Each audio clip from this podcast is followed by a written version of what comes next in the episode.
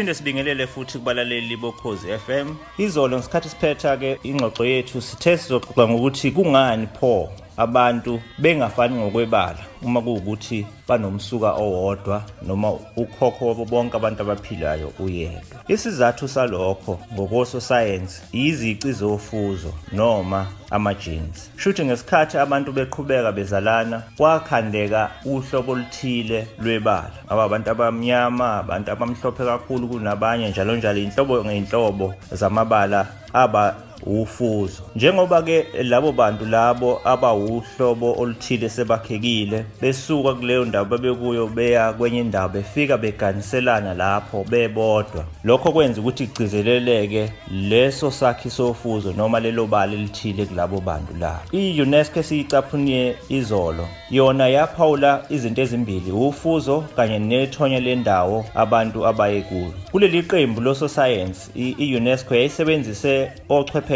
abangama-anthropologist ama-zoologist ama-genetist nama-anatomist okwabantu ababecwaninga ikakhulukazi ukuthi kungani abantu behlukahlukene. So-ke kwawukuthi nje ukuhlukahluka kwama-genes. Kodwa bathi uma ungase uhlubule isikhumba somuntu esingaphandle sonke ngaphakathi siyafana. Ney'nhlobo ezahlukene zegazi abantu abanazo nakuba libomvu kodwa liney'nhlobo ezahlukahlukene. Kodwa lazo iy'nhlobo ezahlukahlukene ziyatholakala kubo bonke abantu kungakhathaliseki ukuthi umnyama noma umhlophe. Ngamanye amazwi bonke abantu bayafana. So ke lokhu kuyasiza nje ikakhulukazi ukulawula ukucabanga kwabantu ukuthi inhlanga ezithile ziphakeme kunezinye noma abanye abantu bezinye inhlanga ababalulekile kangako kunabanye pho ke abantu abamnyama baphumaphi ngokomlando sicaphuna izolo kaMose kaAmram osebhayibhelini abantu abamnyama bavela kuHamu kaNoah so uHamu phakathi kwamadodana akhe wazala uMizrayim wazala uKhush wazala uPhut.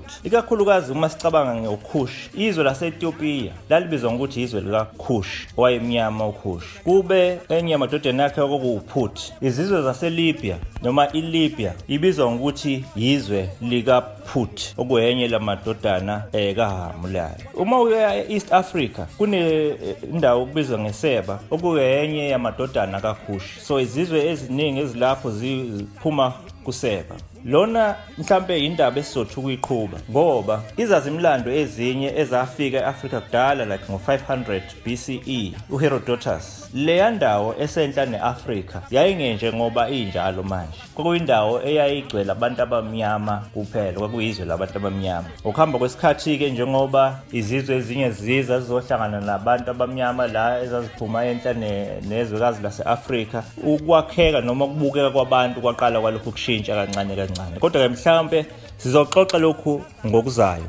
Bese sixoxa nangokuthi ke ikhona yini into enhle eyenziwa abantu base-Afrika? Ngoba umlando ngokujwayelekile abantu maxoxa nje kubukeka ngazathi zonke izinto ezinhle noma eziyimpucuzeko zaqhamuka nabantu ababephuma emazweni aphesheya hayi abalapha e-Afrika. Kodwa ke lokho cishe siyoxoxa ngakho ohlelweni ohlelweni olulandelayo. Sivalelise sibonge kubalaleli sesiyohlangana ke ohlelweni ngomsombuluko